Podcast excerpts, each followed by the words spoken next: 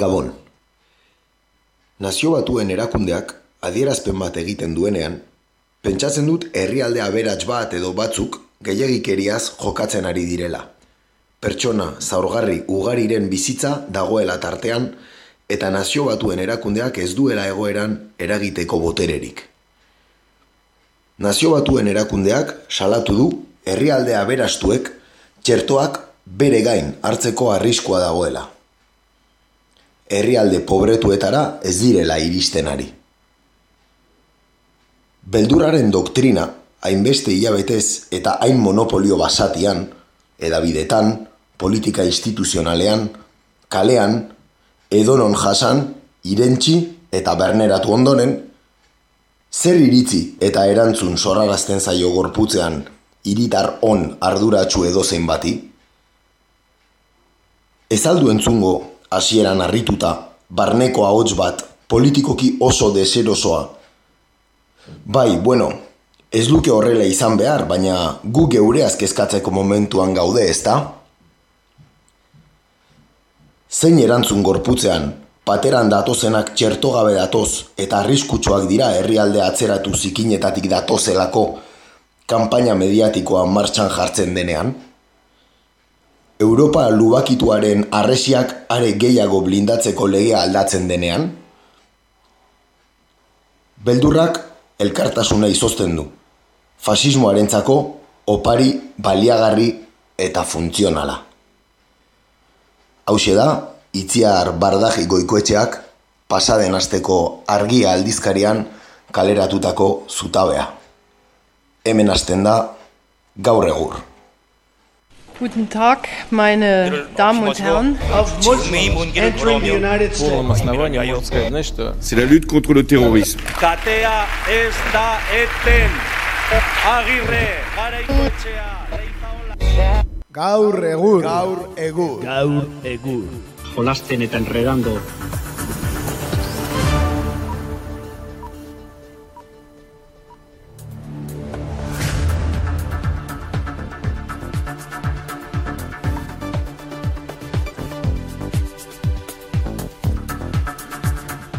Beno, arratsaldeon eh, Atxaldeon bai. Atxalde honden hori. gaur eh, otsailaren eh, lehena, eh, astelehena, zuzen zuzenean ari gara, gaurkoan ere kakaintzonako estudioetatik. Ba, irudi urratxo eta zumarra gainoiz baino gorriago dauden garai hauetan, eh? Hori da, eh? denak gorri bihurtu dira eta gure bai. Gorri eta masoiez betetako herri hauetatik, eh? Ba, hemen ari gara zuzenean, ez dakigu noiz arte utziko diguten, edo, edo bueno, hor dauzkagun bi- Zaintzen, kanpoan bide sekretu horietatik etorri barkote egun bunker hontara, o ez dakit. Urrengoak nola egingo ditugu, baina bueno, gaurko abintzat hemen gaude. Gero irtetzeakoan izango ditugun eh, edo izan ditzakegun errepresalia desberdina, ba ikusiko dugu zertan geratzen diren. E, gaur ere lau hankatako bat falta zaigu, nola ez? Dirudienez ez zaio orain bigarren dosia iritsi, eh? Beste pertsona batzuei eman behar izan diete eta itxaro, itxaroten da, omen dago. Ez dakit orain sindikatuetako kideetara pasatu den edo nola dagoen kontua. Bai, agian zerrenda batean baina gehiago eta nongo da. Bai, zein daki, bai, alt- eh, goikargua da, sindikalista, eh, danetik. Ez zuen ba, bi bider hartuko da. Jakizu, Lau jakizu. bider. Jakizu. Bai, lau bider. Agian eh, ez, ez kontrako sintomaren batzuk edo izango ditu, ez? Beste nola da hori, eh, batzutan Kontraindikazio edo nola kontraindikazioren bat edo.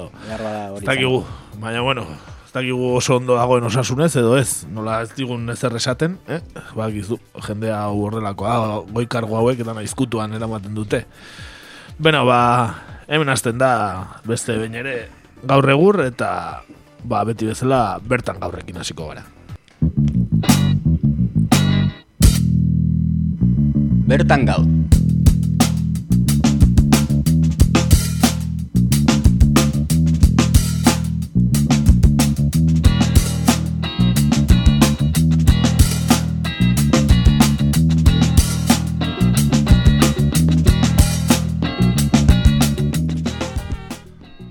Tristura, samina eta haserrea eragin zituen duela urtebete, zaldibarreko zabortegia nola amildu zen ikusteak are gehiago, zaborraren guztiaren azpian, zabor gehiago zegoela jakiteak. Gestio dudagarriak, ustelkeria, dirugusea,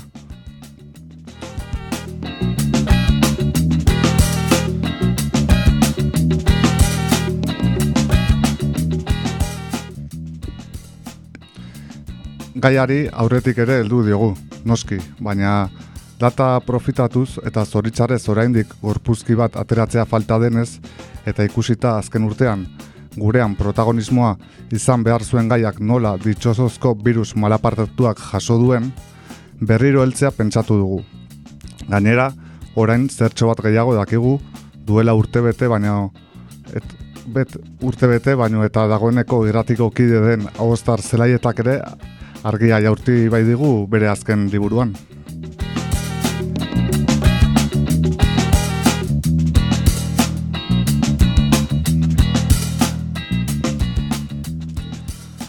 Dakigunaren arira, saiestu alziteken Euskal Herriko ondamendi ekologiko handienetako bat izan dena? Ba, horrela dirudi ez, ez baita izan naturaren kapritxo bat edo kausa fatalitatez jontzitako kausen ondorio bat. E, kudeatzaien diru gozearen eta gobernuaren ezikusiaren ondorio zuzena izan daitekela e, ematen du ez, zaldibarko afera honek. E, 2008an iriki zuten, dakizuenez, zabortegia e, eta urte urte gero eta zabor gehiago pilatuz joan zen, ez? Eta horrela irabazi zituen irabaziak berte recycling bertako kudeak eta enpresak. E, bueno, zabor kantidadea pixka bat irudikatzeko, 2008an, hau da, iriki eta urrengo urtean, eundalaro goita mila tona jaso zituzten. 2008an berriz, irureunda laro mila, hau da, bikoitza da honeko. Eta 2008 eta 2008an, bietan, e, milioi erditona, ez? E, hor ikusi ezakezue zortzi urtetan nolako goraka da, ez? E, izan duen zabor kopurua horrek. Da, bueno, e, bi, honek esan nahi du 2008an 2,zortzi milioi tona ondakin zituela pilatuta eta instalazioaren betetze maila uneko irurogeita batekoa zela. E, eta horretan, erritmo horretan, ba, 2008 birako istea e, aurre ikusita zegoen, e, beteta gongo zelako, noski. E, Eusko Jarlaritzak bazekien iaia hasieratik e, betetze ritmoaren inguruan, baina e, bueno, ez zuten gauza handiegirik egin, ezta?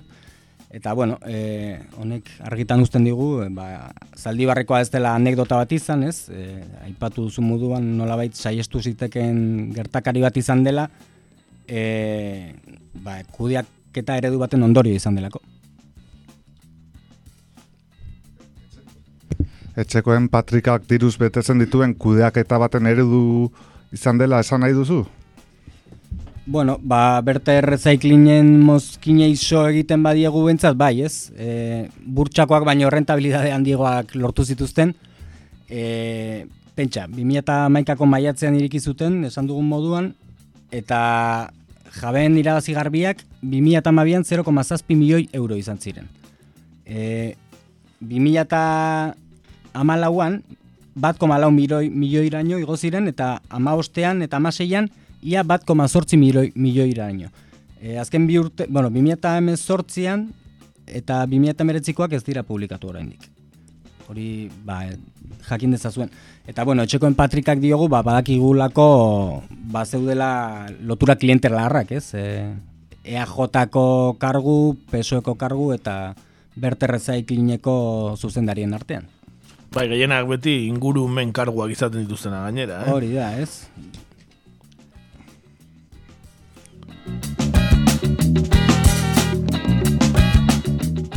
Eta zentzuk ziren zabortegiko bezero nagusiak? Bai, ez, bezeroak ere azkenean e, ardura fiskal edo judizialik eduki ez arren, behar bada, e, nola baiteko ardura morala eduki dezakete, ez? Eta mm, azken bi urteetan, hau da, 2000 eta mezortzi eta 2000 eta emeretzi urteetan, e, jaso zituzten irureun bezero, ez? E, zituzten, ia irureun bezero, eta e, sektorean, bertan lan egiten zuten artean, transportiten artean, eta bar, e, zuloa bezala ezagutzen zitzaion, ez? E, zaldi barko zabortegiari. Pentsa, nolako iruditeria zeukan ja sortua bere inguruan, jendeak bazekien, ez? Zuloa deitzeko zer zer zegoen hor. Eta bueno, enpresa sarrerak egin egiten zituena papresa, errenteriako papelera izan zen. E, bigarrena berriz Ferimet, itziarren dagon metal berreskuratze planta bat, baina hau e, multinazional baten menpeko lantegi bada, ez? E, nola bait, multinazionalak beste enpresa batzuk ere baditu eta haiek ere modu txikiagoan, baino parte hartzen zuten zaldibarren. E, eta hirugarrena amena barrerekuntzak. Hau behar bada ezaguna izango zaizuena. Eta, bueno, e, laugarrena debabarreneko mankomunitatea, ez? E, berterrek gainera ba, kontratu ugari zeuzken mankomunitate honekin, jakinaren bezala, eta bueno, ikertzeko daude oraindik.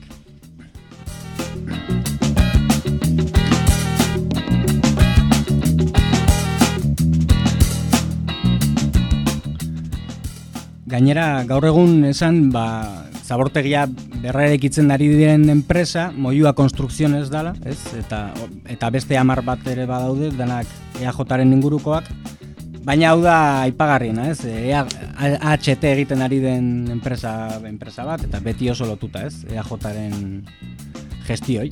Konfiantzazkoa. Konfiantzazko jendea, hori da.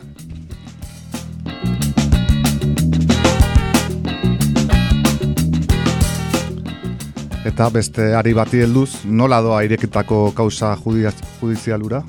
Bai, bo, moteldoa, hori lehenengo gauza, ez? E, dakizuen bezala, bi instrukzio daude zabalik, e, lehenengo instrukzio epaitegiak, e, ikatzen hasi zen langileen eta pertsonen kontrako deliturik egin note zuten, hau Joaquin Beltran eta Sola Luzeren e, eriotza dela eta, eta bigarren instrukzio epaitegia berriz, ba, ingurumenaren kontrako deliturik egon ote den edo ez ikertzen ari da. Ez? E, biak alabiak moteldoaz, eta kaus e, iturri judizialen arabera susmagarria da, ez? Bi prozedura ireki izana bat, bat batean sartu ordez, e, honek gehiago atzeratzen baitu ba, prozesu guztia, ez? Eta gainera, e, testigo batzuk bi aldiz ere ditu dituzte, ez? Osea, deklaratzera bai gauza batean eta bai bestean, de, gauza afera berdinaren gatik. Jakinda de Miguel Auzia gamarrurti irauntzuela, ba, hau ere, edo orain egingo dute koronavirusa aprobetsatu eta pixkat bazterrak eratzeko, edo bestela iramugu du amarka bat. Edo, bai, errez, ge, bai. gehiago behar bada, ez?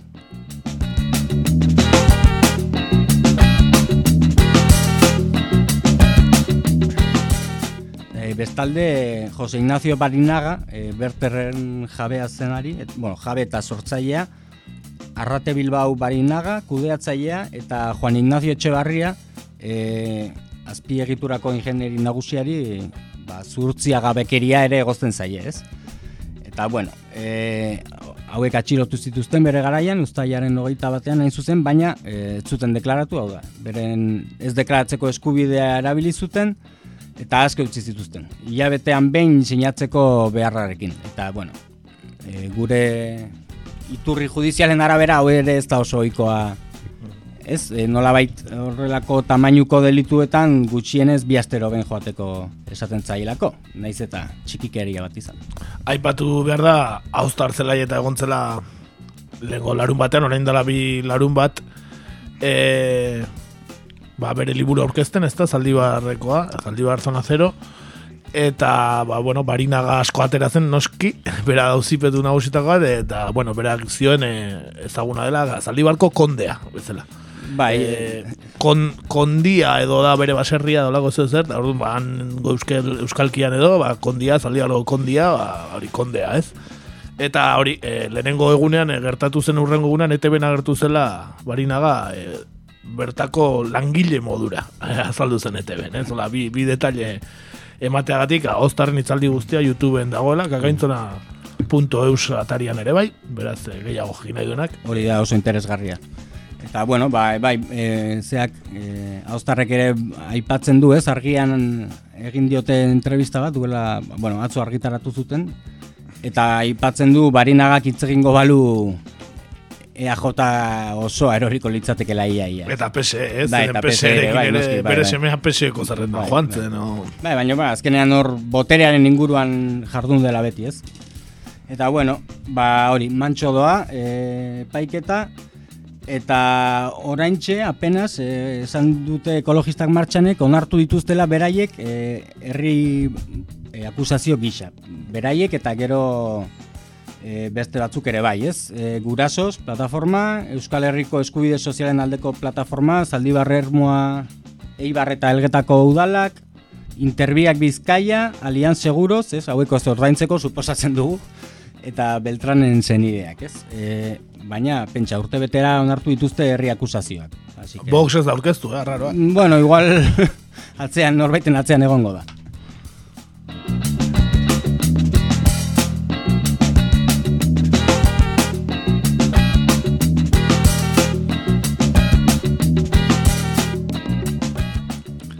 Eta Ostar zelaietak dioenez, komunikabidetan agertutako informazioa eskasa izateaz gain oso zentratua egon omen da bi langileen ediotzetan.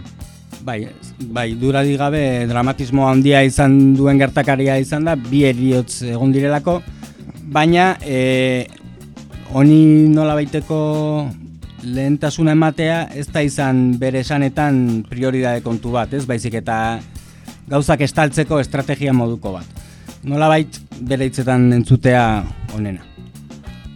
Honela dio hauztarrek momentuz, zaldibarra uzia ere, bai medioetan eta bai iritzi publikoan oso fokalizatu egonda senideen martirioan. Eta aldiz, ingurumenar, eta ez aldiz ingurumenaren auzian. Eta bai, langileen kontrako delitu bat da, eta ikertu behar da. Baina ez da ingurumenaren aurkako delituan fokalizatu. Indar handiagoak bai, dute, bai daude atzean. Administrazio publikoaren ardura, subsidiarioa, lazgarria izan den ondorio bat. Baina piramidearen harriko eskor bat baino ez. Larria, odolez gorritua. Esaten da langile bi hil dire- ire- hil direla. Beste batzu diote akabatu dituztela. Autopista bat afektatua izan da, gauza oso sakratua Euskal Oasian, ala dio ahoztarrek. Bai, autobideak eta azpiegiturak sortzea oso sakratua gure herrialde hontan. Bai, ez, eta gero haustarrek ere aipatzen du e, entrevista berdinean argian e, nola egu, ondik egun batzuetara gogoratzen baduzue Senegaldar langile bat hiltzela beste zabortegi batean.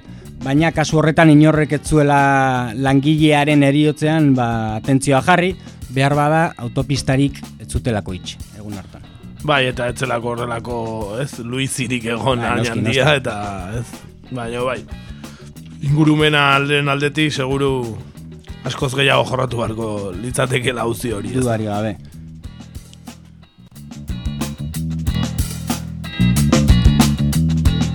Ingu, ingurumena aipatu duzue eta inorri asola ote zaio gure oasian. Bueno, ba... Eh, ez dakit zuei ze, ze deritzo zue. Ainorri Bueno, parke natural batzu daude? Bai? Aralarkoa eta eskorrikoa. eta- orain ingurumenaren gestio planta gipuzkoan edo nola ditzen diote gure... Bai, gure baina energia ba, rebaloraz, revalorizatzen duen planta. Hori da, hori da. Bueno, ba ez, e, nola bait, e, ingurumenaren aferetan izerber garen punta ere ez dugu ikusten, ez? E, batetik medioek ez dutelako delitu ekologikoetan harretan diri jartzen, eta bestetik gizarteri, gizarteari ere oroar asko asko ere interesatzen ez zaiolako. E, nola bait, sensibilidadea gaion den inguruan nahiko bajua da oraindik ere, eta, bueno, e, nola bait, esan dezakegu Euskal Herriko mugimendu ekologista ere zatikatuta dagoela eta erreakzioa edo sentsibilizazioa behin behin pizteko zailtasunak eh, daudela, ez? Eta gainera, ez, e, hau gutxi balitz, ba, hau ikertu behar duten boterek edo ertzaintza edo epaitegiek kasu, ez, ba, e, ustelkeriaren kasuetan bezala erramenta gutxirekin jokatzen dute eta bueno, ba hori, erraminta kaskar horiekin batera, ba ezin dira kuantifikatu zeintzu diren biktimak, ez? Hau da, zein izan da biktima e, milaka urteko arbola batzuk o, leku bat suntxitu, suntxitu bada, ez? Bertako jabea, edo ze, nola kuantifikatzen duzu hori dirutan? E, kuantifikagarria beraz, ba, biktimak herritarrak dira, eta e, denak direnean biktimak badakizue inorrez dela biktima. Inorre, edo inorrez dela eh, akusatua, ez? Hori edo zigortu behar dena. Bai, gaina kasu honetan ingurumena eta ustelkeria dana uztartuta, eh, konbo polita, eh? Bai. Eh, beste behin ere gure oasi hontan, eh, ez dakit, duna pare bat eskabatu beharko dira horraino iristeko oasi hontan, baino, baino bai, eh, hau ere, ba, paradigmatikoa, ez da kasua. Bai, bai, oso paradigmatikoa eta zoritxarrez esango dugu nolabait, ba, lehen aipatu moduan covid jandiola, ez, e, protagonismoa, bestela nolabait pisu eta indar handiagoa izango zuten, Bai, ez? bai, gainera hauteskundeak zeto zen, geratzatu intzian, eta kriston olatu, honor montatuta, ez? Eta hauteskundetan ikusi izan inguru hartan ere, nola, ez, e, EAJ asko hori zen, eta abar, eta abar, beraz, bai, oso indartxu zetorren mobilizazio bat e, ikusten zen izango zela, zaldibarko ingurukoa, ez? Eta azkenean, e, ba, Herriko inguru, ah, bertako herriko inguruetan geratu da, ez? Fokalizatua eta eta PNVek ere berriro bereaekin atera da. Ba,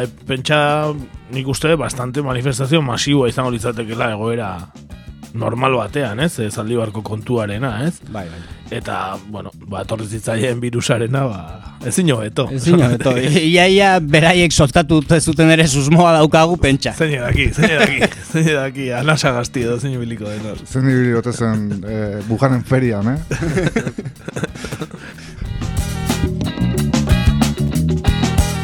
Bujango Santa Lutzietan, eh?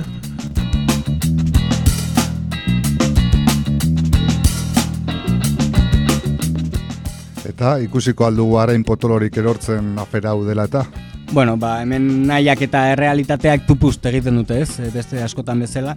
Nahiko genuke bai, e, ardurak garbitzea eta ikustea zeintzegoen bueno, zeintzuk daukaten benetako erantzukizuna.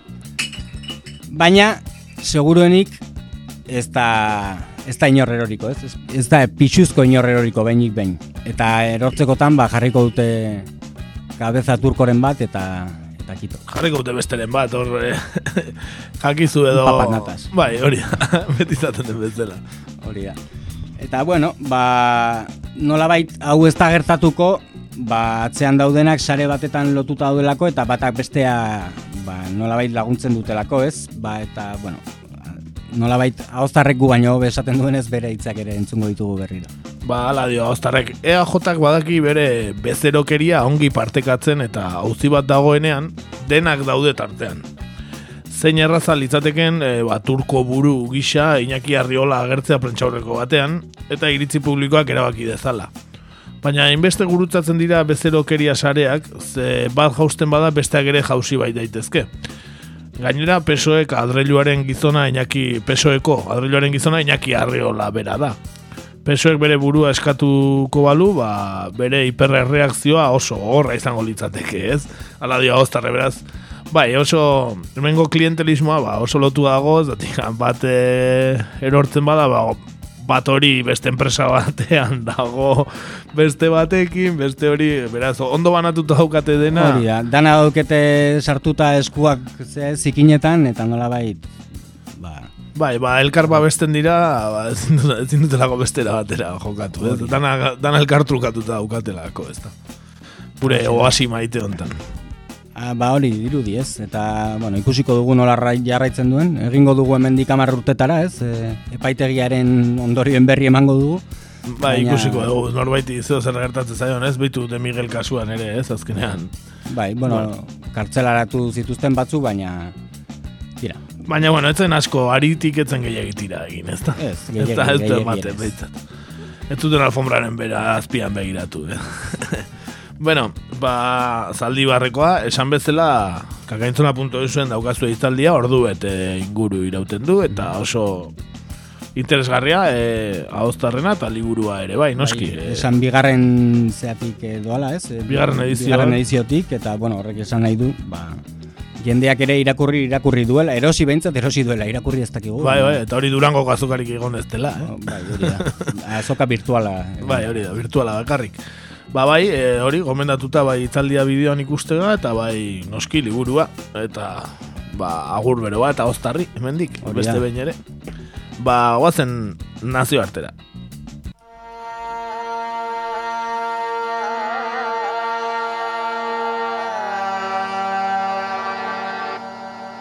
Nazioartean gaur.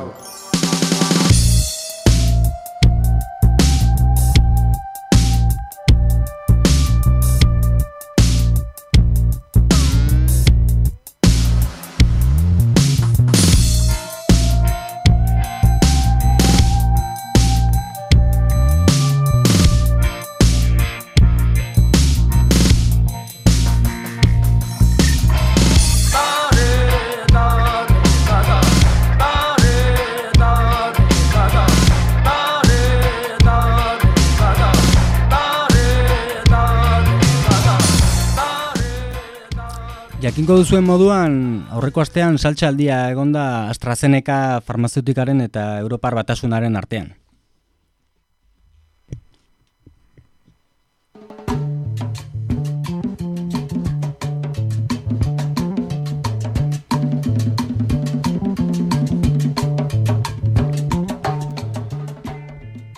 AstraZenecaren txertoa Osforreko uni unibertsitatearekin batera garatu da eta sendagaien Europako agentziaren onespena jasotzeko prozesuaren azken urratzean dago. Dena dela, erresuma batuan, jada banatzen ari diren txertoetako bat da.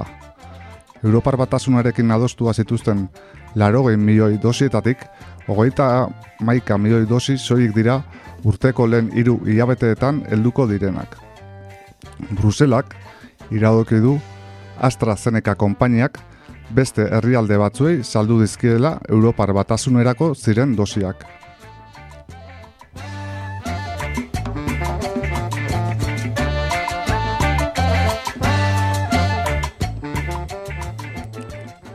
Azkenik, akordio batera iritsi dira eta Europar batasunak dosien euneko bergoita marra bakarrik jasoko du soilik.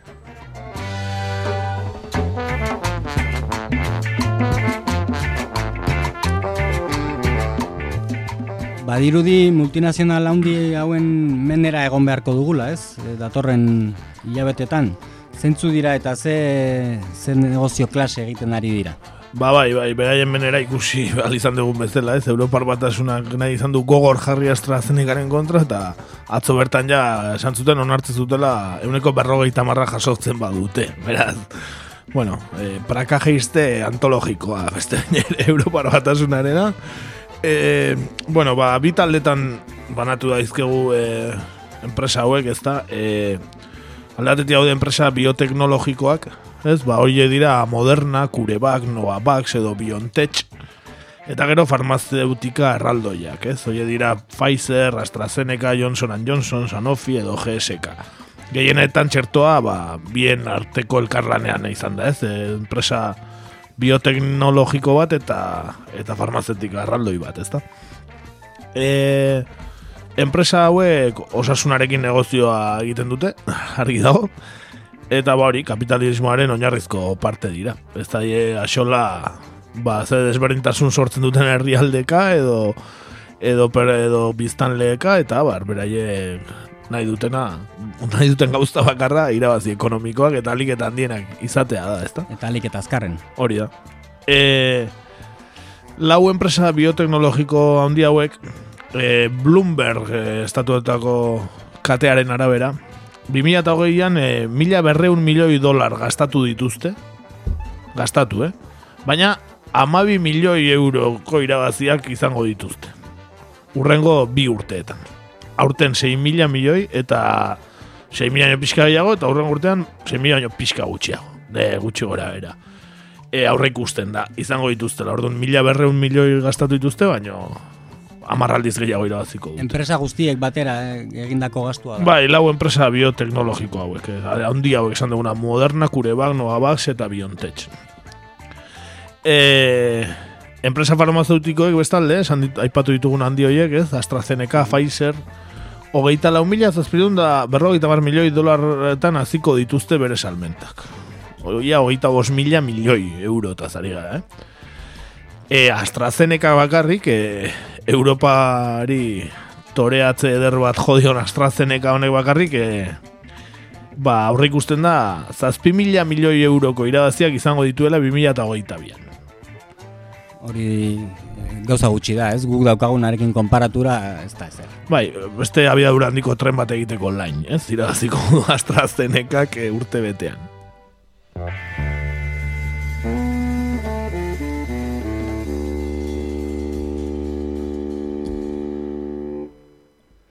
Negozio bikaina hortaz, ez? E, eta alde egiten inola ere utzi nahi ez diotena. Bai, hori da. Hala ere, esan behar da, e, Europar batasunarekin egin dituzten kontratuak ez, din, ez dituztela argitaratu nahi izan, ez Europar batasunak eta ez farmazeutikek, ez dakigu ze kontratu klase diren, baina ez dute argitaratu nahi izan, ez da? E, esan behar da, handi hauek eunka milioi jaso dituztela bai estatu batuetatik eta bai Europar batasunetik, ba, txertoaren ikerketa eta garapena aurreratzeko, ezta? E, eta gero noski, baita hornidura kontratuetan ere, ez? Ja ordaindu zaie dosi batzuk erosita daude, ez? Esan daiteke. Hainbat e, kalkuluen arabera, virusaren aurkako ikerketan 5 mila milioi dolar inguru eman dira, ez? Finantziatuko ba, farmazietika guzti hauek. E, Erakundiko pub, erakunde publikotatik. Hori da, hori da. Eta gero, ba, ikusten dugu, ba, eta bos mila milioi euro irabaziko dituzela farmazeutikek, eta amabi mila bioteknologikoek. E, ondorioz, pandemiak irauten duen bitartean, logikoa da, e, bi- eta bidezkoa, eta beharrezkoa, e, izango litzateke, ba, gobernuak neurriak hartzea patentei dagokienez, ezta? Ba, behin, ba, osasun publikoa lehen estea eta ez merkataritza interesak, eta ba, koronavirusaren inguruko ateratzen diren ba, bai, e, bai txerto, bai bestelako medikamentu guztiek, ba, patenteak kentzea, ez da? Baina hori adibidez eskatu dute bai Indiak, bai Ego Afrikak, bai beste eun herrialdek. Eskatu dute munduko merkataritza erekundean, e, COVID-19 inguruko produktu guztien patenteak kentzeko, ezta? Ba, mundu guztiaren onerako delako, eta ez bakarrik enpresa hauen e, ba, diru, bai, irabazteko dirutza hauek irabazteko, ezta? Gainera, diru publikoa jarri denean, beraiek eh, hau, zea, hau garatu dezaten, ezta? E,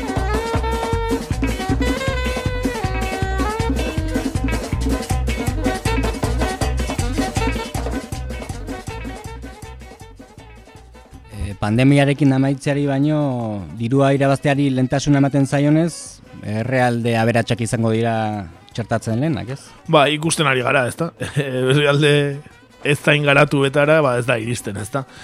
E, adibide argia daukagu hor, adibidez Israelekin. Eh? Munduko lehena, ez? Orain- Bai, e, munduan e, lider dabil, COVID-aren aurkako txertaketan. E, eragin larria izan du egia esan, koronavirusak Israelen, hori ere esan beharra dago. E, baina, ja, urte hasierarako, urtarrian lauerako, euneko amarra, e, biztanleriaren euneko amarra, ba, txertatuta, txertatuta zegoen, ez da, Israelen. E, Seireun mila bat pertsona, hola, ez dakit, ez, zenba bizi dira. e, bederatzi milioi biztanle. Sei, sei pentsatzen duen, bai. Eta... Bederatzi un- Baina hori urtarrilaren lauean, ja ia hilabete bat pasada, eta euneko hogeietik gora dagoelakoan edo horako zeo zer irakurri izan dugu. E, gaina, susmo handiak daude, lehen esan dugu AstraZenecak eta bar, beste herrialde batzuei saldu ote dizkieten Europak erosita zituen dosia, ba, susmo handia dago, ba, ba, ez erosi dituen horien artean, ba, Israel dagoela. Ez ote dira judutarrak egongo diruarekin eta osasunarekin esalerosketan. ba, susmagarrien zerrendan lehenengo postuan dago Israel noski. Esan bezala beratzi milioi biztanle ditu, eta abenduaren hogeian hasi zuten e, e, txertatze kanpaina. Esan munduko bigarren azkarrena izaten ari dela, baino lehenengoa da Pertsiar golkoko barein. Ez, ez dira, inbeste biztanle eta diru asko daukate eta bastante azkar ari dira, ez? Gainera irla txiki irla bada, ez? Barein, bera. Bai, uste bai, ez, eta... Hainbesteko beharrik ere ez zeukaten agian. Bai, baina, bueno, dirua dagoen lekuan, ez da? e, Israelek dio pandemiatik atera nahi duela udaberrirako.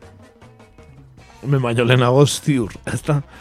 Eta, ba hori, txertaketa masiboa egiten ari da, eta baita konfinamendu gogorra ere. Eh? Bia, goñarri hartuta nahi du udaberrirako ba, pandemiatik ateratzea Israelek.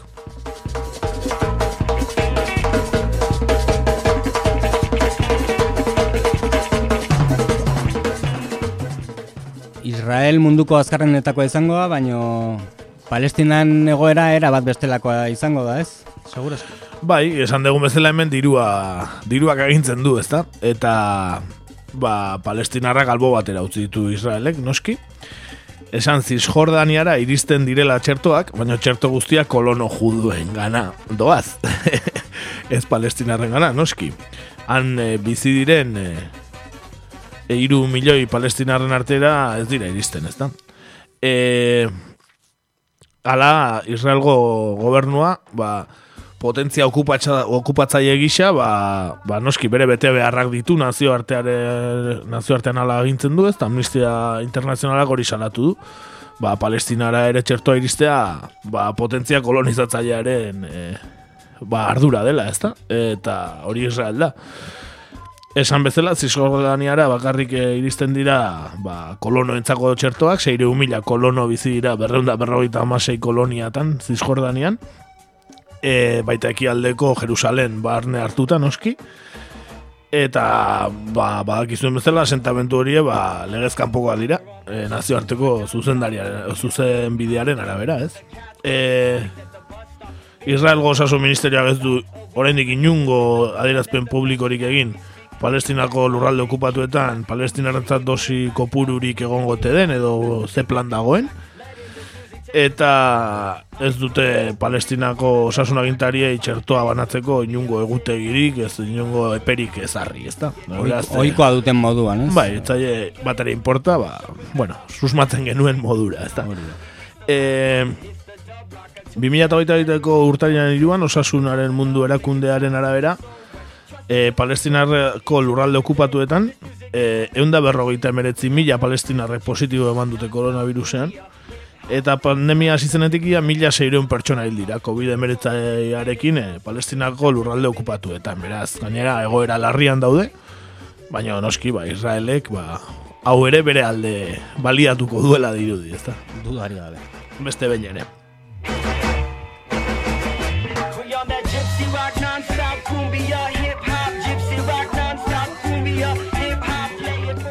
Osasuna merkantilizatzeak horrelako arazoak ekartzen ditu, ez? E, hala ere beste herrialde batzuk e, beste eredu baten alde egin dute. Bai, hala da, ez? Agian e, lehenengo ikusi genuena Errusia bera izan zen, ez? Errusia izan zen lehenengo atxertoa balioztatzen, Sputnik bost famatua, ez da? E, hori eta aurreko urtarrian emezortzian, orain bi aste ekin zion e, e, txertatzen masiboari.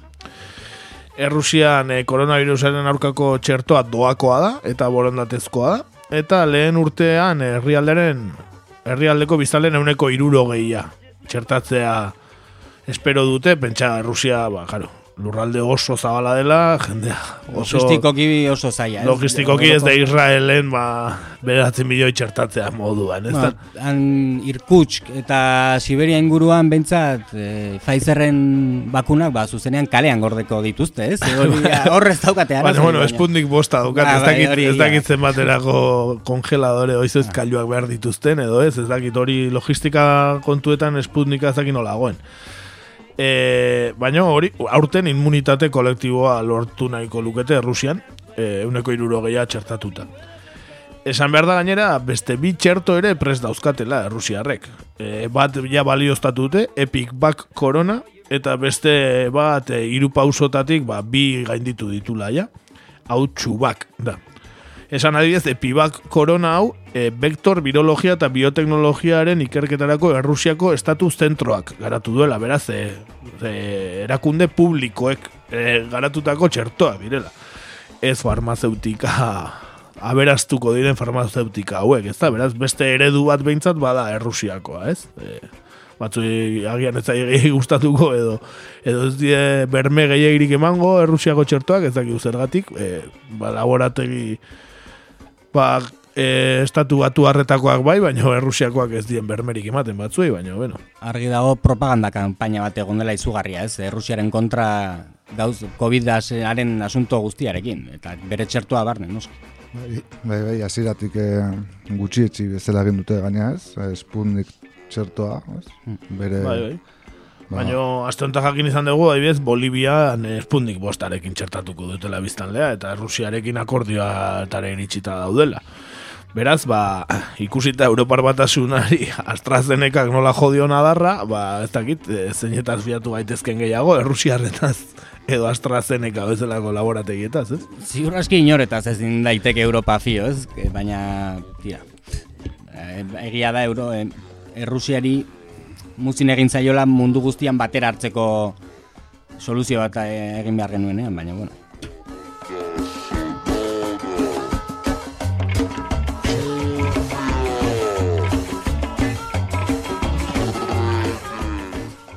Beste eredu argi bat ez, azken egunotan sona handia izan duena Kuba izan daiteke. Bai, e, Kubari ere muzin egingo diote noski batzuk argi dago, baina 2008 bateko udaren aurretik bere populazioaren zati handiena txertatuta eduki dezake Kubak, eta gainera bere txerto propioarekin. Eh? E, bere txerto propioa klini, e, proba klinikoen bigarren fasean sartuta dauka, soberana bi deitzen da, txerto publiko eta nazional hau, eta eta hori udararako denak txertatuta izan nahi ditu, ba, urrengo faseak normaltasunez burutzen baditu txerto honek. Urtarriaren seian ateratzen albistea ba, agentzia desberdinetan, e, ba hori nola kubak ba, iranekin sinatu zuen tratatu bat, ez? E, ba, COVID emeratzirako txertoaren proba berriak egiteko, ba, uart, uartetik, ez? Herrialdetik, e, kubatik kanpo. Eta horretarako hasiako ba, iran e, superpotentziarekin e, ba, egin zuen aliantza, ez? E, hau zergatik, balde batetik, albiste honek dio, kubak txertua ekoizteko kapazitatea daukala, eh? Naiz eta hirugarren munduko herrialde bat izan, bakigu osasun gintzan eta ba, lehen lerroan dagoen herrialdea dela. Eta bestetik, zergatik iranekin tratu hau, ba, kuban ez dagoelako nahikoa kutsatu hirugarren faseari ekiteko. Beraz, gainera, ez daude... Ez da, beste beharrean, ez? Hori da, ez daude enkin kalarrian koronavirusari dagokionez, eta iranekin horregatik egin dute trota, ba, iranen badaudelako kasuak, ba, han probak jarraitzeko. Ez da, beraz, e, bueno, esan daiteke, ba, Kuba beste behin ere munduari erakusten, ez? E, ba, osasun gintza publiko potente bat izan da, ba, asko aurreratu daitekela, ez da? E, esan behar da, ikerlari kubatarrek COVID-19 kontrako txertoa lantzeko erabili dituztela aurretik uartean sortuta zeuden beste txerto batzuk, soberana zero batean oinarrituta dago, soberana zero bi hau, eta B meningokoko entzako txertoa txertoaren erabilitako proteina batzuk eta erabiltzate, azken ogoi urteetan e, erabili dutena kuban, txertu hau, eta zero, soberana zero biren kasuan, e, tetanoaren virusaren proteina bat ere erabili dute, ba, aurretik egin izan duten bezala beste txertu batzukin, eta ba, adibidez, B, B gripearen kontra ere erabili zuten, eta ba, hortik sortzen ari dira koronavirusen aurkako txerto berri hau. Beran, Kuba berriro ere ez, gauza zarretatik berriak eraikitzen. Kotxekin abanan egiten duten moduan, txertoekin ere bai. Bai, bai, medikuntzan ere bai. Gainera esan, bi txerto berri hauek ez dutela beharko ozkailu e, super bioniko hauek, ez da? Ozkailu arruntetan kontserbatu daitezkela eta ba horrek dakarren guztiarekin, ez? Bai kostearetan eta bai azpiegituran ba dakartzen abantaila guztiekin. E, esan bezala abanako agintariak espero soberana 02ak aprilerako gainditzea proba klinikoen hirugarren fasea eta uztailerako uarteko herritar guztiak txertatuta egotea nahiko lukete. Horrekin esan bezala, ba, beste lezio berri bat emango lioke, ba, kuba bezalako herrialde txiki batek ez, ez da, eta eta argi geratzen da ba, osasuna benetan publikoa eta buru jabea baldin baukazu baita ikerkuntzan eta laborategia dagokionez eta farmazeutikari dagokionez ba horrelako egoera batean abantaila besterik ez direla, ezta? Ba, horrela dirudi, ez, ikusiko dugu nola evoluzionatzen duen hirugarren fase honek, baina bueno, ona litzateke ez mundia munduarentzako nolabait ikasketa ikasketa beste berri bat, ez? Eh, Hori da. Esan e, gaurre gaurreko kideak e, ari gerela prestatzen kubara bidaia udan, e, ja txertatuta bueltatzeko, eta animatu den, denak ba, idatzi dezala kakaintzunaren e, postara, edo deitu dezala gure telefonora.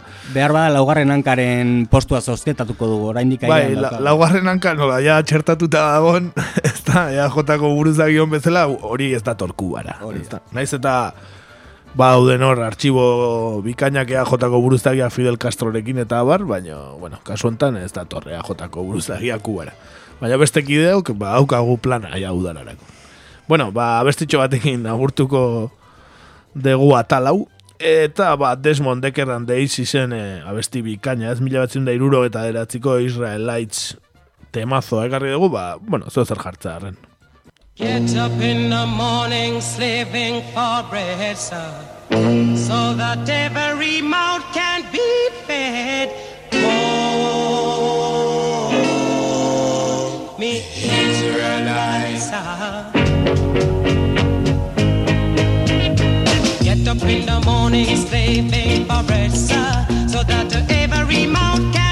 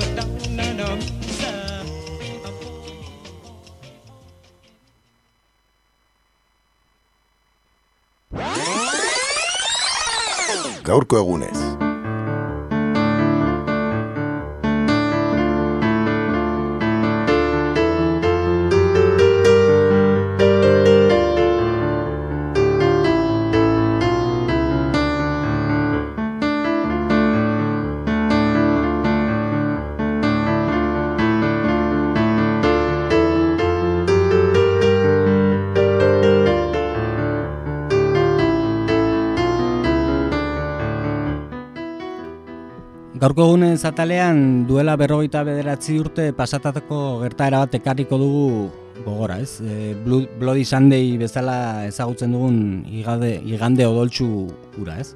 E,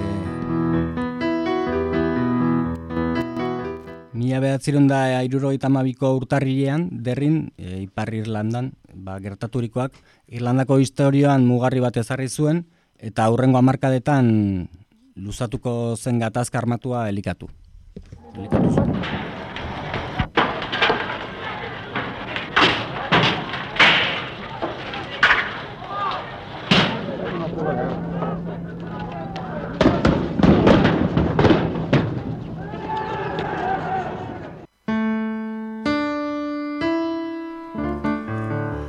Bueno, horiek ziren garaian, eh, ez, egun hartako audio batzuk, ez da, nola, bueno, ba, militarrak eta, ez, e, nola zian parakaidistak edo, nola agertzen zirenan, ez, egurra banatzen, e, derriko kaleetan.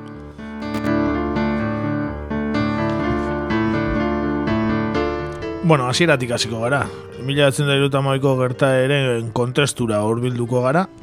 Zein zen egoera Ipar Irlandan mila batzirun da irurogeita amabiko hasiera hartan. Bueno, ba, ipatu jada Armada Britaniarra mila behatzen da irurogeita bederatziko abuztuan derriko Boxit auzoan izan ziren istiluen ondorioz, ba, derriko gune katolikoan ezarrita zegoela, ez? E, bestalde, Ulster osoan eskubide zibien aldeko mugimendu aktiboa, Ipar Irlandako eskubide zibien aldeko elkarteak ordezkatzen zuen. Eta honek, eh, herritarren babes handia zuen, e, katolikoen aurkako diskriminazio, diskriminazioaren aurkako aldarrikapenetan, Eta mila behatzen da irugaita mabiko hasieran e, gairik garrantzitsuena e, Ipar Irlandako gobernuak mila behatzen da irugaita kako abuztuaren behatzean botere berezien aktaren bidez ezarritako intern, internment delakoa izan zen, ez? E, eta hau da, irako kide izatearen susmagarriak epaiketari gabe atxilotzea eta esperetxeratzea zekarren, ez? Eta egun batzuetan bakarrik, ba, eunka pertsona atxilotu zituzten, ba, irako kide zidera edo egotzita, ez? Eta, ba, erantzun gizea, e, London berriko biztanlek, e, boxit eta krigan auzoetarako sarrera itxizieten Britaniar armadari eta zonaldean inguruan eh, ba, barrikadak altxatu eta no-go area edo eremua bihurtu zuten, ez?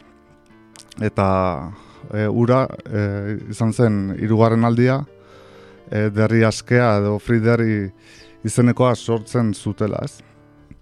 Bai, derriko e, bet argazki mitikoa, ez? You're entering in free derri, ez? Hori boxaiden sarreran dagoen mural mitiko, mitikoa, ez Irlanda. Jo, Ipar Irlanda jartzen baizu Googleen eta argazkiak, lehenengo ez bada, lehenengo bostetan agertuko zaizuna, ez da? Mhm.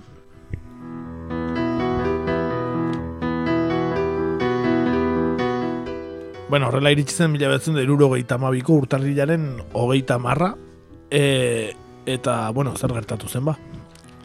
Ba, esan, arratsalde hartan manifestazio bat zegoela dituta, e, bat emakumeen eskubideen alde, eh?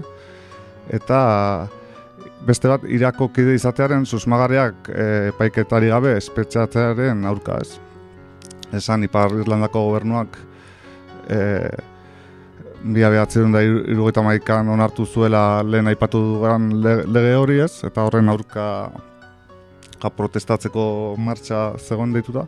Eta maos mila lagunek, e, baina gehiago parte hartu zuten martxaietan, ez? Gizarte zibilak e, antolatutako martxa bat, ezta? Hori da, zean Ipar Irlandako eskubide zibilen aldeko elkartea, ez? Eta pixka bat e, oinarritzen zen estatu batuetatik zetorren e, mugimendu hartan, ez? Afroamerikarren mugimenduan, eta? Hori da, eta ba, elkarte honek deituriko manifestazioa modu baketsuan hasi zen, eh? hasiera batean iriko udaletxera joatea aurre ikusita zuten, eta agintari britaniarriek e, ba, manifestariei ba, barrikadaz e, ingurut, ingurutar, e, inguratuta zeuden auzo katolikoetatik ba, irtetea debekatu egin zieten, nola, nola nahi ere e, manifestazioaren antolakuntzak e, boxit auzotik ez irtetzea erabaki zuen, eh? eta ingu, e, ingurua inguratzen zuten soldaduei aurrez egiteko dei egin ziren jendeari ez. Esan erresuma batuko armadako parakadizten erregimentu bat, e, derrin zegoela aurrez bidaluta, ez? E, egun batzuk lehenago, ez? Esan behar da, dala, garaiko Brit, eh, armada britanikoaren elitea, zirela, ez da? Bai, Royal Force eh, Armiko, horiek ez? Real, Bai, bai. armada reala, do, El, elitea zan, ez? Eliteko soldadua ziren. hori da.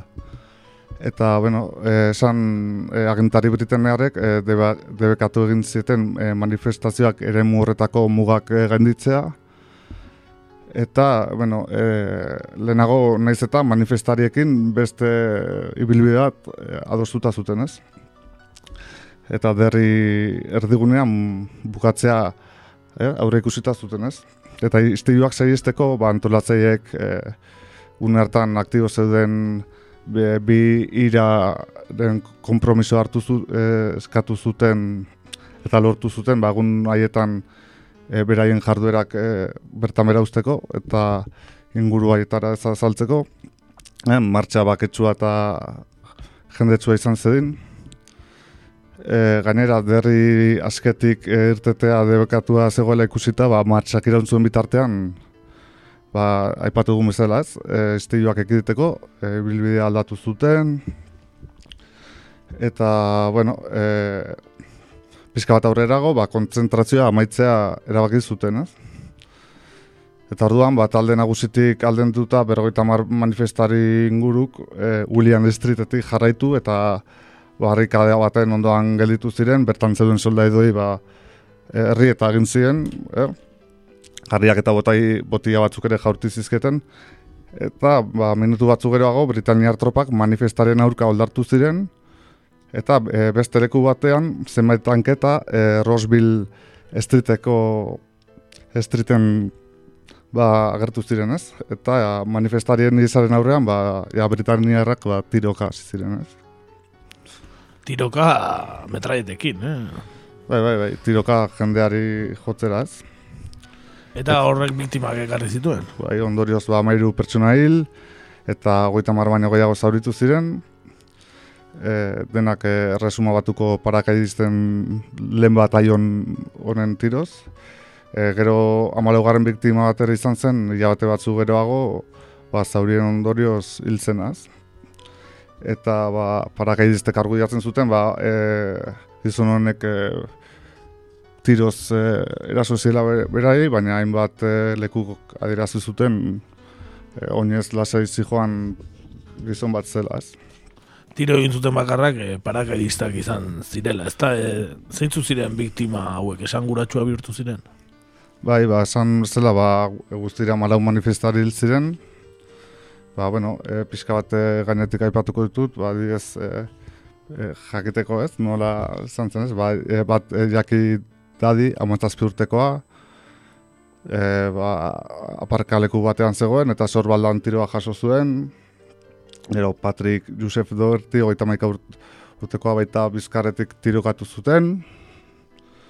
E, Bernard McKeegan, berrogeita bat urtekoa, ba, e, eskutaterik omen zegoen, eta baita e, ba, poliziak ikusi, eta tiro bat eman zuten, lo parakaidistek. Gero beste amazazpi urteko bat, Hugh Gilmore, ba, etxerantz korrikazioala hil zuten, e, tiroetatik iesi ari zela, ba, tirokatu zuten, ez? E, gero beste amazazpi urteko bat, Kevin McCaney, e, ba, atzetik e, tirokatu zuten, e, baita ba, bezbilazioala, e, beste bat, Michael Kelly, amazazpi urteko baita ere, honek sablean tiro bat jaso zuen, e, beste amazazpi urteko bat John Pius Jung, e, hau buruan tirokatu zuten, zuzenean, e, William Noel Nash emeretzi urtekoa, e, ba, barrikada batetik gertu zegoela, ba, bularrean tiroa jaso zuen, Michael McDaidek hogei urtekoa, ba, ba, bara zauritu zuten baita barki, barrak, e, barrikada baten ondotik e, aldentzen ari zela. E, adibidez, e, aipatzeko da James Joseph hogeita bi urtekoari gertatu zitzaiona, hau zauritua zegoen bitartean, e, lurrean zegoela, e, beste tiro bat eman zioten. E, gero beste amazazpi urteko Gerald e, do, Donaldire e, zabelean tirokatu zioten, e, eta hola ez, denak e, Gerald e, Makine goita mala urtekoa, baita zuzenean e, burura tirokatu zuten, eta dena, dena horrela, eta aipatu dugun azkeneko, lehen aipatu dugun beste azkeneko biktima horri buruz, ba John Johnston zen, berrogeita meretzi urtekoa, eta tiroketa hasi eta amaos minutura e, za- zauritu zuten hori ez. Eta eh, aipatu dugu, e, lau hilabete behar dugu ospitalen hil zen. Eta e, aipatu behar da, Johnson bera, ez zela martxara joan, e, e, martxara joan etzen biktima bakarra bera izan zen, naiz eta soldaduek aipatzen zuten berak pistola atera da dirokatu zituela, eta e, lagun bat e, bizitatzera zijoan, ez? Osak, e, ba, ondoren e, soldadu Britaniaren ba, esan dakoak, ba, denak e, gezurtatzen ditu, ez? Mugitza zen guztiari egin ziotela tiro. Hori. Inongo gupidari gabe, ez? Bai, eta jende gehiena oso gaztea. Ikusi, Eh? ba, amazazpi, amazazpi urteko asko, mezortzi, hogei, bai. hori da. Bai, e, horrek gero ba, ekarri zituen ondorioak, ezta? Besteak beste, ba, ira indartzea edo jendea, ba, gatazka armatura lotzea, ezta? Bai, ba, hoi hartzun handia izan zuten. Izti, izti baiek. Adibidez, hurrengo egunetan ba, mundu guztia, mundu guztira edatu ziren iztiluak, eh, gertara zerlatzeko manifestazio handiak izan, izan ziren. Eh, adibidez, eh, Britaniarek Dublinen zuten enbasadar egin zuten, eh, Belfasten Irak eh, bomba bidezko atentatuak egin zituen, New Yorken ere erresuma batuko merkataritza saltoken aurkako mehatxuak erregistratu ziren, e, Bostongo kontsulatuaren aurrean iztiu larriak ere izan ziren, eta bar.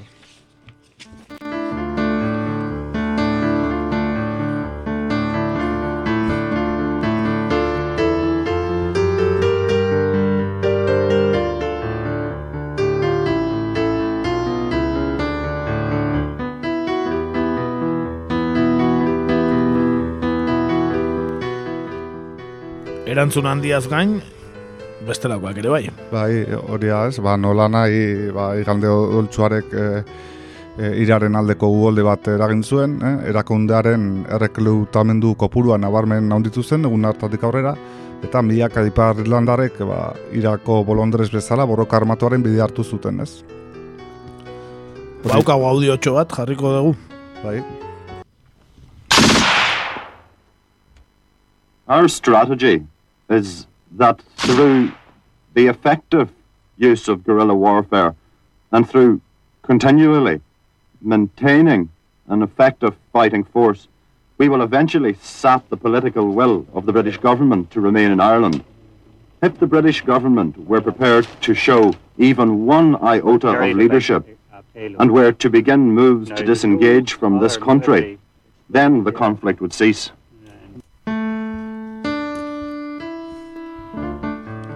Bai ez, ba, argi aipatu du Irako kide horrek ba, Britaniarrak eh, bertatik alde egin arte eta e, Irlandarak pakean utzi arte, ba, Borrokan jarraituko dutela beraien herriaren alde, ez da?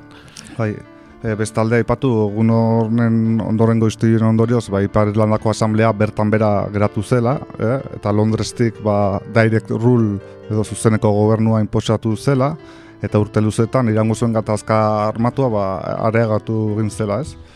E, ba, gero hogei urtez argitu gabeko zalantzak zirela eta mila behatzen da larogeita mezortzian, e, Tony Blair Britania handiko lehen ministroak ikerketa judizial berri oso bat agindu zuen, e, ba, e, larogeita mezortziko bake prozesu garaian kokatu behar da pixka bat, eta 2008ko ekainaren amaostean lehen ministro hautatu berriak, hau da David Cameronek ikerketaren emaitza argitaratu zuen, ez? Eta ondorioak izan ziren hilakoak armari gabe zioa zela eta soldadu britaniarek izan zira tiro egin zuterak, ez? Eta eman behar ziren aginduak jarraitu zituztela. Barkamen moduko bat eskatu zuten, esan daiteke lehen aldiz historian, ez da? Britaniarren aldetik. Mhm, bai, bai. Gero etorriko ziren eh, argazki kuriosoak ez Martin McGuinness eh. Elizabeth erreginarekin eta bar, ez da? Bai, bai, bai, bai.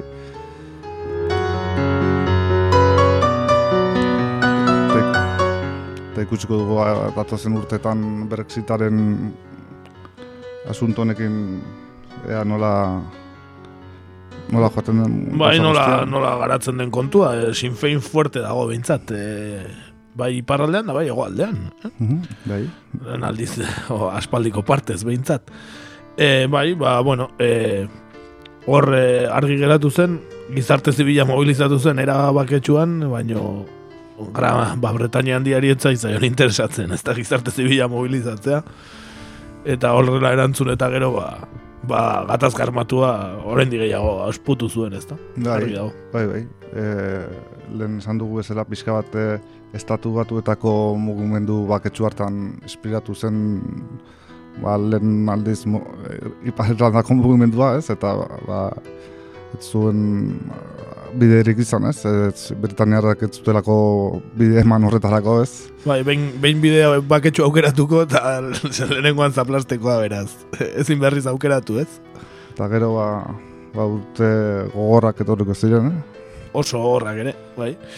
E, bueno, ba, benetan e, bidaia polita egin dugu, derri aldera, e, ezagutzen ez duen entzat, e, bisitatzeko leku bikaina, egia esan.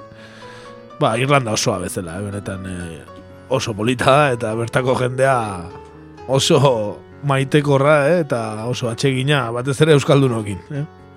Bai, bai. Ba, Ea itzultzen garen, eh? Bai, baukagu gogoa horra ere, bai, kubatik bueltan, eh? Kubatik bueltan Irlandan gatuko Bai, da. bisatu da zuzenean eskatuko dugu. Hori da, hori da. E, bueno, abestitxoa jarriko dugu. E, norbaitek agian pentsatuko zuen gai hau e, jorratuta ba YouTube edo e, U2 e, taldearen Sunday, Sunday Bloody Sunday jarriko genuela, ez? Bono eta bere lagunak. Baina, bueno, nola ez zaigun gehiagik gustatzen talde hori, zer egingo diogu ba, e, ba, bueno, ba, beste abesti bat ekarri dugu, e, abesti, bueno, e, Irlandako gatazkako abesti horietako, mitiko horietako bat, ez da, eh? Go on home, British Soldiers Go on home, eta, bueno, ba, Irlandako folka ondo erakusten duena, beraz, entzun ezagun. Go on home, British soldiers, go on home. Have you got no fucking homes out the road? For 800 years we fought you without fear. And we'll fight you for 800 more. And if you stay, British soldiers, if you stay, you'll never ever beat the IRA. Well, there's 14 men in Derry, and the last that you will bury. So take a tip and leave us when you may. Oh, we'll fight some British soldiers for the cause. Because throughout our history we're born duty free. So get out, you British bastards, leave us be. Ah, go on home, British soldiers, go on home. Have you got no fucking homes of your own? For 800 years we fought you without fear. And we'll fight you for 800 more. And if you stay, British soldiers, if you stay,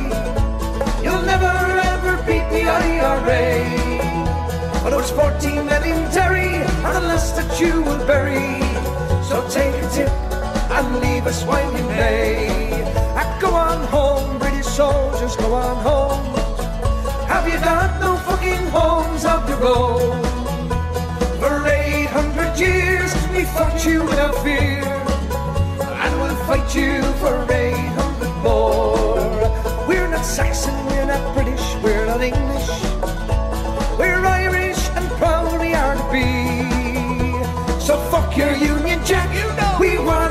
Country back. It's Ireland and Ireland it will be.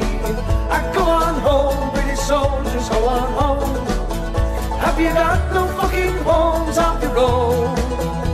For 800 years we fought you without fear. And we'll fight you for 800 more.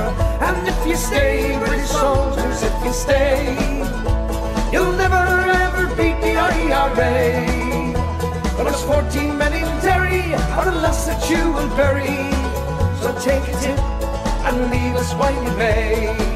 Ah, go on home, British soldiers, go on home.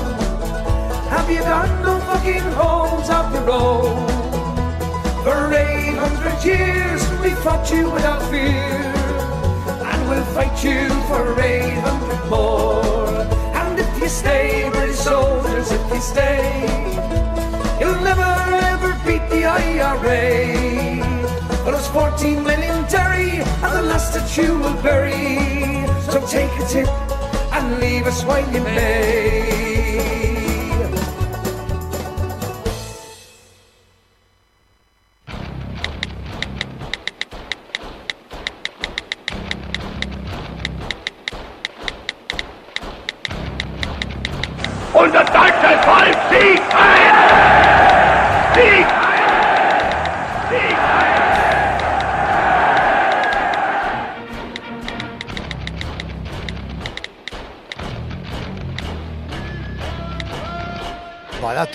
SSA. Sare sozialetan egur.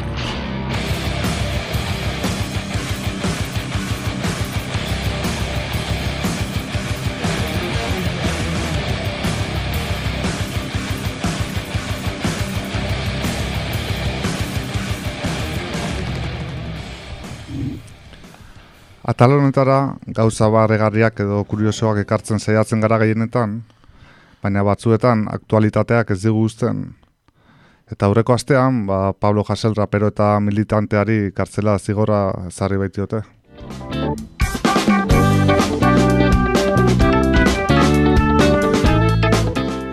Ba, bai, ala da, ez, jakingo zenuten bezala, ba, auzitegi nazionalak e, amarreguneko epea eman zion e, Pablo Ribadullari, eh? e, bere borondatez espetxe batean aurkezteko. Eh? Pablo Ribadulla da bere beretako izenan, ez da Pablo Jasel bezala ezaguna den. E, eta berak, berak jakinarazi zuen, sare sozialetan bertan, ez da, e, ba nola, ba, espetxeratua izango den, e, bederatzi jabetetarako.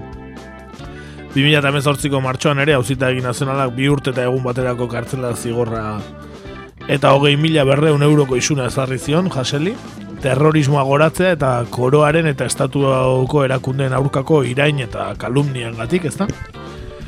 Ondoren, e, sare sozialetan argitaratutako argitaratutako iruro lau mezuri eta YouTube bidez zaldutako abesti batea referentzia egiten die oraingo zigorrak. E, aretoaren epaiak 2018an Jasel akusatzen zuen errege emeritua eta egungo erregea delitu ez akusatzeagatik kondenatu zuten txio batzuen kontura, ezta? Eta epatzen zituen Arabiako Saudi Arabia eta errege etxearen arteko negozio mafiosoak eta bar, ezta?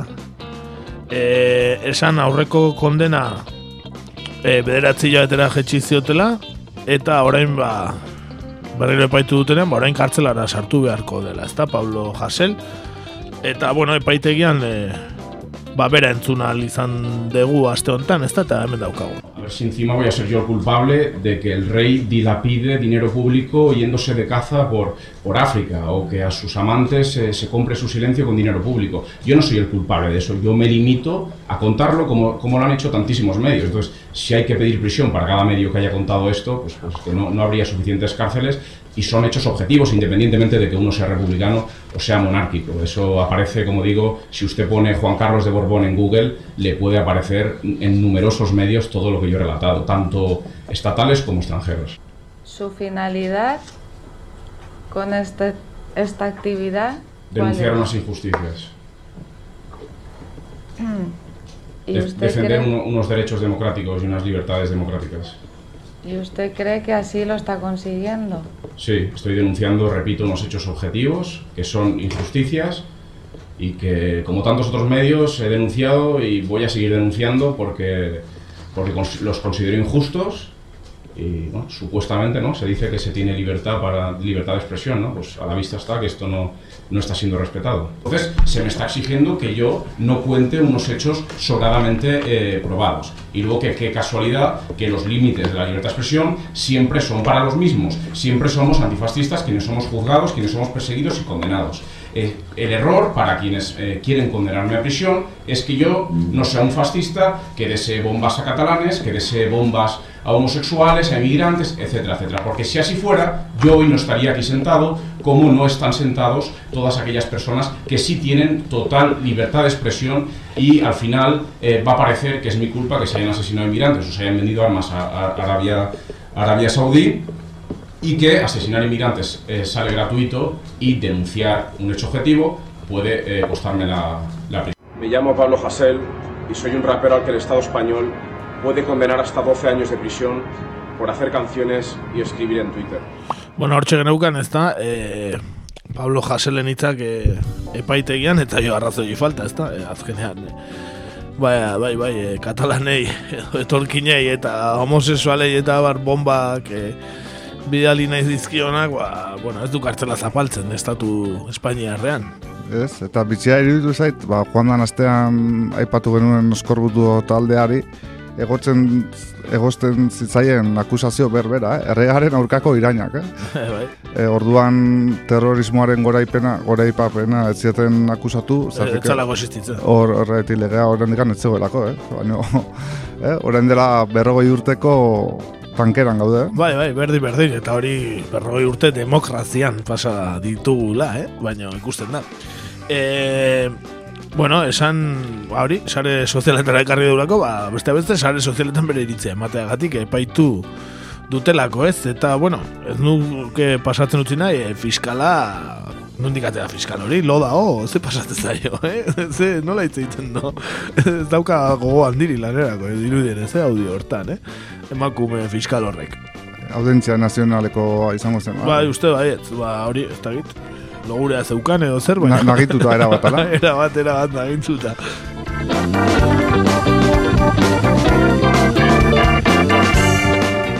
Bueno, esan e, 2000 askatasun artistikoa zazpireun da maika aldiz murriztu zela larogeita emeretzi herrietan nazio batuetako aholkularitza egin duen Frimus erakundearen izenetan eta espetxeratu, artista espetxeratuen zerrendan lehena izateko ore zalantzagarria duela Espainia erreinuak, eh?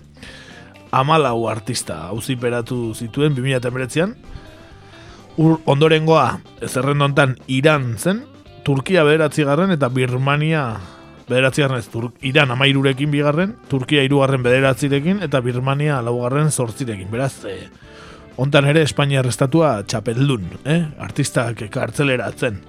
Gainera esan zerrendan ez direla agertzen ez Baltonik, e, ies egin da zegorako, baina ez espetxeratua, ez Pablo Haselbera, ba, orain berriki sartuko delako espetxean, ez da, beraz, e, Bai, Sendotu egingo duela lehen postu hori, da. Bai, ez dakit, zen, ba, badirudi, sendutuko duela, ez dakit beste herrialde batzen ze gertatu den zehazki, baino, baino bai, Espainia da artista gehien, e, ba, espetxeratzen dituen herrialdea, ez da, eta gero, bueno, beraien ustez demokrazia sendo bat dira, ez da? Bai, gero Errusiari lekzioak emateko eta Bai, hori da, lehenak izaten dira. Pusi Riot eta zeta, bai, hortan bai, baina gero bertakoa, eh? Edo, edo Kubako ba, ez? Kubatar ba, Bai. hainbat artista ba, Miamikoei eta bai, hoi ahotsa ematen bai, ez? Baina, Bai, bai, baina bertakoi ez errez.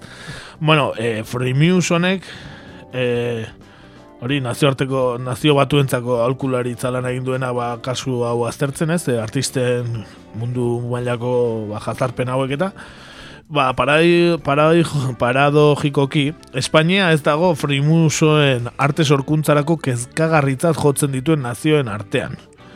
Esan nahi dut, artistak, e, ba, beraien e, sorkuntzarako askatasuna bezala, ez? Ba, ez dago la- ez da hola kezkagarri, egoera kezkagarrian Espainia, hori esaten du txostenak, eta adibidez, Frantziar estatua bai, eta estatu batuak ere bai. Ba, daude egoera kezkagarrian e, arte sorkuntzari dagokionez, eta Espainia ez. Eta gero Espainia da munduoko lehena artistak espetxeratzen. Eta, bueno, ez dakit zenbatenako sinesgarritasuna daukan Freemius erakunde honek, ez da? ez dakit nolako jakizu- informeak egite ditun. bai, jakizu nor kudeatzen duten hori, ez? Bai, hor ere, ba, ez dakit, zaldi barko zabortegiak kudatzen dutenak agian.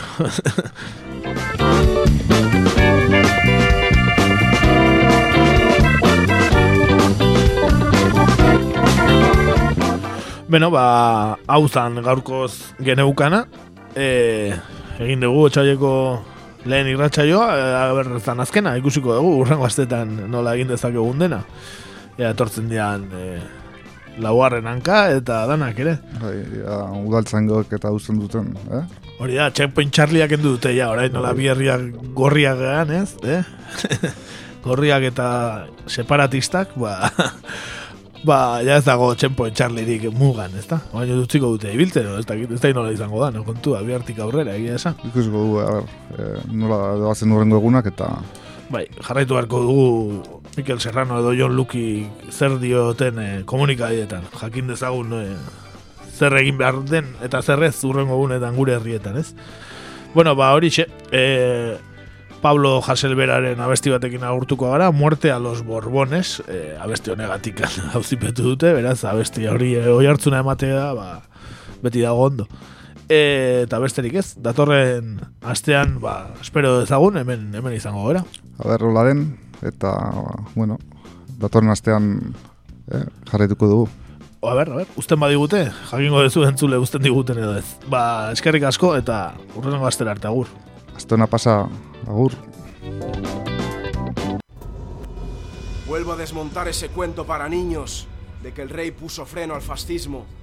El rey hizo lo que más le convenía a su cuenta bancaria y limpió el sable a Franco durante demasiados años. No es un héroe, sino un pez gordo que se arrima a la corriente con más pezqueñines que devorar. Su poder ha manipulado la historia y ha elevado a los altares a uno de los mayores ladrones que ha dado este estado.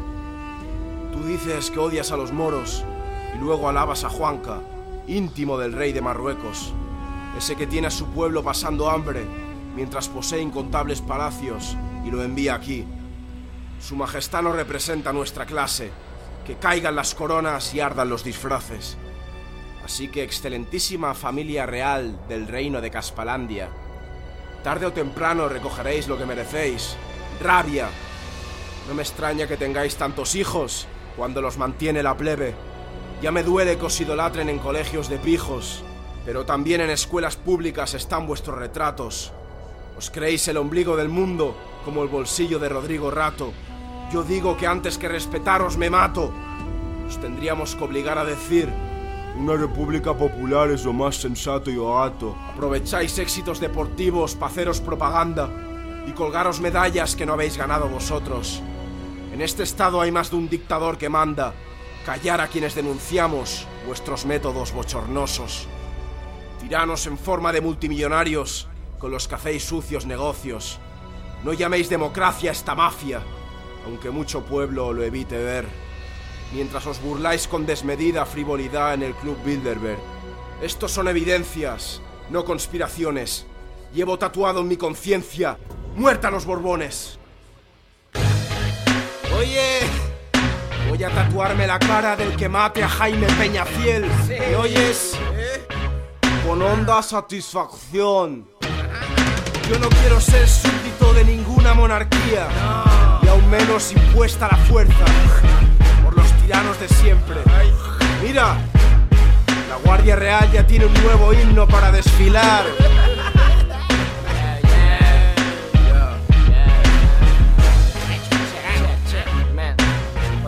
¡Muerto los Borbones! Os a la familia con más cocainómanos Gastando en un vestido lo que ganas en 10 años. Institución medieval, cualquier lógica de Como buscar pensadores en el diario de Patricia. Presupuestos reales nunca han sido transparentes. Si eso es democrático, Aznar fue buen presidente. Multaron a los del jueves por una caricatura. A mí ya pueden fusilarme en el Ministerio de Incultura. La república será fea como la infanta Elena. Si es capitalista y no sirve a la clase obrera Os invito a odiar a los personajes más caraduras Que adornaron con consumismo otra puta dictadura. Deberíamos mandarlos a recoger fruta Por 3 euros la hora, a ver cómo especulan. Venga, venga, que de ser así de la vega Admitirá que tiene pene y que con España juega. Juanca, Juanca No es amigo del pueblo, sino de la banca. La justicia está de duelo. Suelo soñar que vuela por los aires. Eso no es terrorismo se merece el cielo Me da náuseas constantes el reino casposol Donde un farsante es grande por la gracia de Dios. No me representa esa puta bandera Pon una estrella roja y saca la corona fuera. Mercenarios los defienden con medios de manipulación y armas Bien pagados para controlar lo que hablan. Censuran manifestaciones en su contra. La reina Sofía es una listilla que se hace la tonta. Cuando llegan a una ciudad se pone todo bonito. Ocultando la realidad y protestar es casi delito. Antidisturbios nos acorralan a kilómetros de ellos. No sea que escuchen que no los queremos. Patético estado policial, venga todos al corral. A poner huevos pa' que cerdos los puedan robar. Y pa' colmo exijan ser venerados. Ciudadanos somos números de resultados clavos. Suma y sigue, y créete libre. Juanca el más pirata falta en el libro Guinness. Pero ya os podéis olvidar, no sé quién ganó el mundial. Jugadores gritan viva España pensando viva capital Juanca, Juanca es amigo del pueblo, sino de la banca. La justicia está de duelo. Suelo soñar que vuela por los aires. Eso no es terrorismo se merece el cielo. Me da náuseas constantes el reino casposol Donde un farsante es grande por la gracia de Dios. No me representa esa puta bandera Pon una estrella roja y saca la corona fuera. Leticia la progre se pasó a la ultraderecha. Hay poco peor que convertir a una arpía en princesa. Monseñor Rocco Varela bautizó a sus niñas Y ya tiene fantasías pajeras pa' toda la vida. Felipe está nervioso porque la falacia de su padre ya no le sirve a él Aunque son capaces de hacer que salve la capa de ozono con tal de que 100 familiares más chupen del trono Este país está lleno de lamedores de culos corruptos ¿Dónde está la dignidad? A diario me pregunto Así señoras con pensiones de mierda Le pondrían a Juan Carlos lacitos en la verga. Es el reino de la amnesia. ¿Quién recuerda qué? Dice, aguanta la crisis tras bajarse de su yate. Vamos, vamos. Que si el rey abdica, Mariano Rajoy reconocerá que es marica. Juanca, Juanca no es amigo del pueblo, sino de la banca. La justicia está de duelo. Suelo soñar que vuela por los aires. Eso no es terrorismo, se merece el cielo. Me da náuseas constantes el reino Casposol, donde un farsante es grande por la gracia de Dios. No me representa esa puta bandera. Con una estrella roja y saca la corona fuera. Fuera la corona, joder. Ya va siendo hora.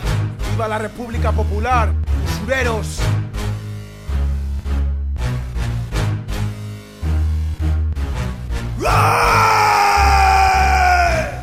¡Casposos!